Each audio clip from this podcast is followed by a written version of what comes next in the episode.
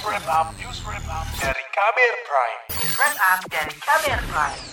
Beberapa hari lalu, keluarga almarhum Nofriansyah Yosua Huta Barat menggelar peringatan 100 hari meninggalnya anak kedua dari empat bersaudara itu di Jambi.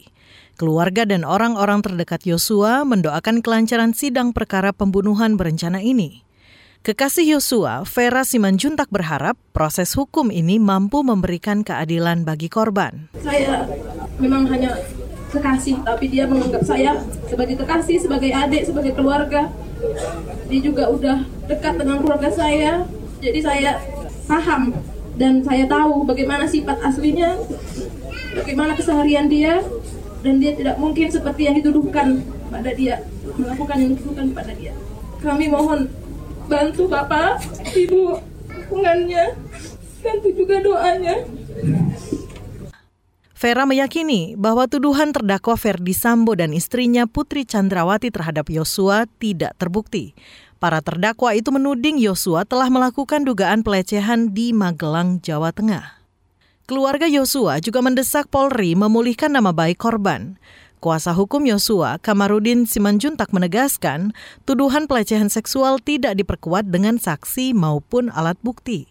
Terlebih, banyak kejanggalan terkait peristiwa tersebut. Kan dia bilang pelecehan seksual atau pemerkosaan kan di Duren 3. Iya. Di Duren 3 sudah saya katakan ke sudah SP3. Ah, nggak jadi deh. Di Duren 3 tanggal 8 pindah aja deh ke Anu. Ke Magelang tanggal 4 katanya. Yakin tanggal 4? Yakin katanya. Saya buka semua percakapan tanggal 4. Dia puji-puji prianya almarhum. Luas banget. Hebat banget. Multi talenta. Mau bingung gaji berapa? Ada nggak wanita habis diperkosa puji-puji prianya? Kan aneh. Di mana-mana wanita yang diperkosa itu trauma dan benci kepada pelakunya. Ini kok dia suka banget dipuji-puji sampai dipotret lagi menyetrika baju anaknya yang lambang osis itu dikirim ke adiknya. Kamu mau datang nggak ke sini bang? Bantuin kakakmu. Abangku ini multi talenta katanya.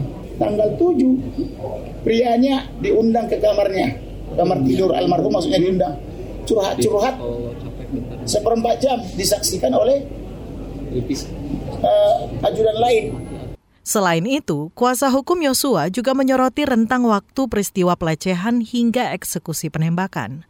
Dalam waktu dua hari itu, Putri tidak menunjukkan traumanya karena masih bersama-sama Yosua. Putri juga tidak melaporkan peristiwa itu ke kepolisian.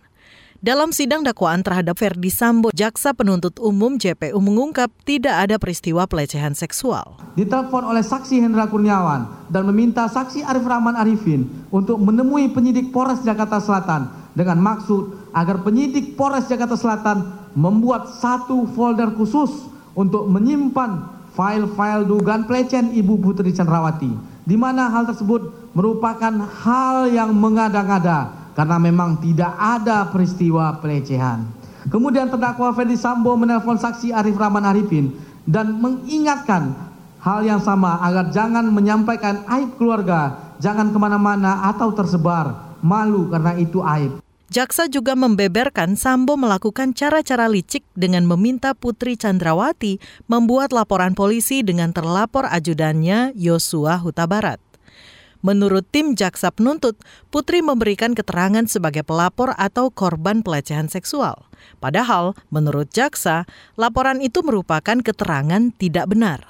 Di sisi lain, Putri Sambo menyampaikan eksepsi atau keberatan atas dakwaan jaksa. Mereka mengklaim kasus pelecehan benar terjadi. Laporan ini disusun Mutia Kusuma.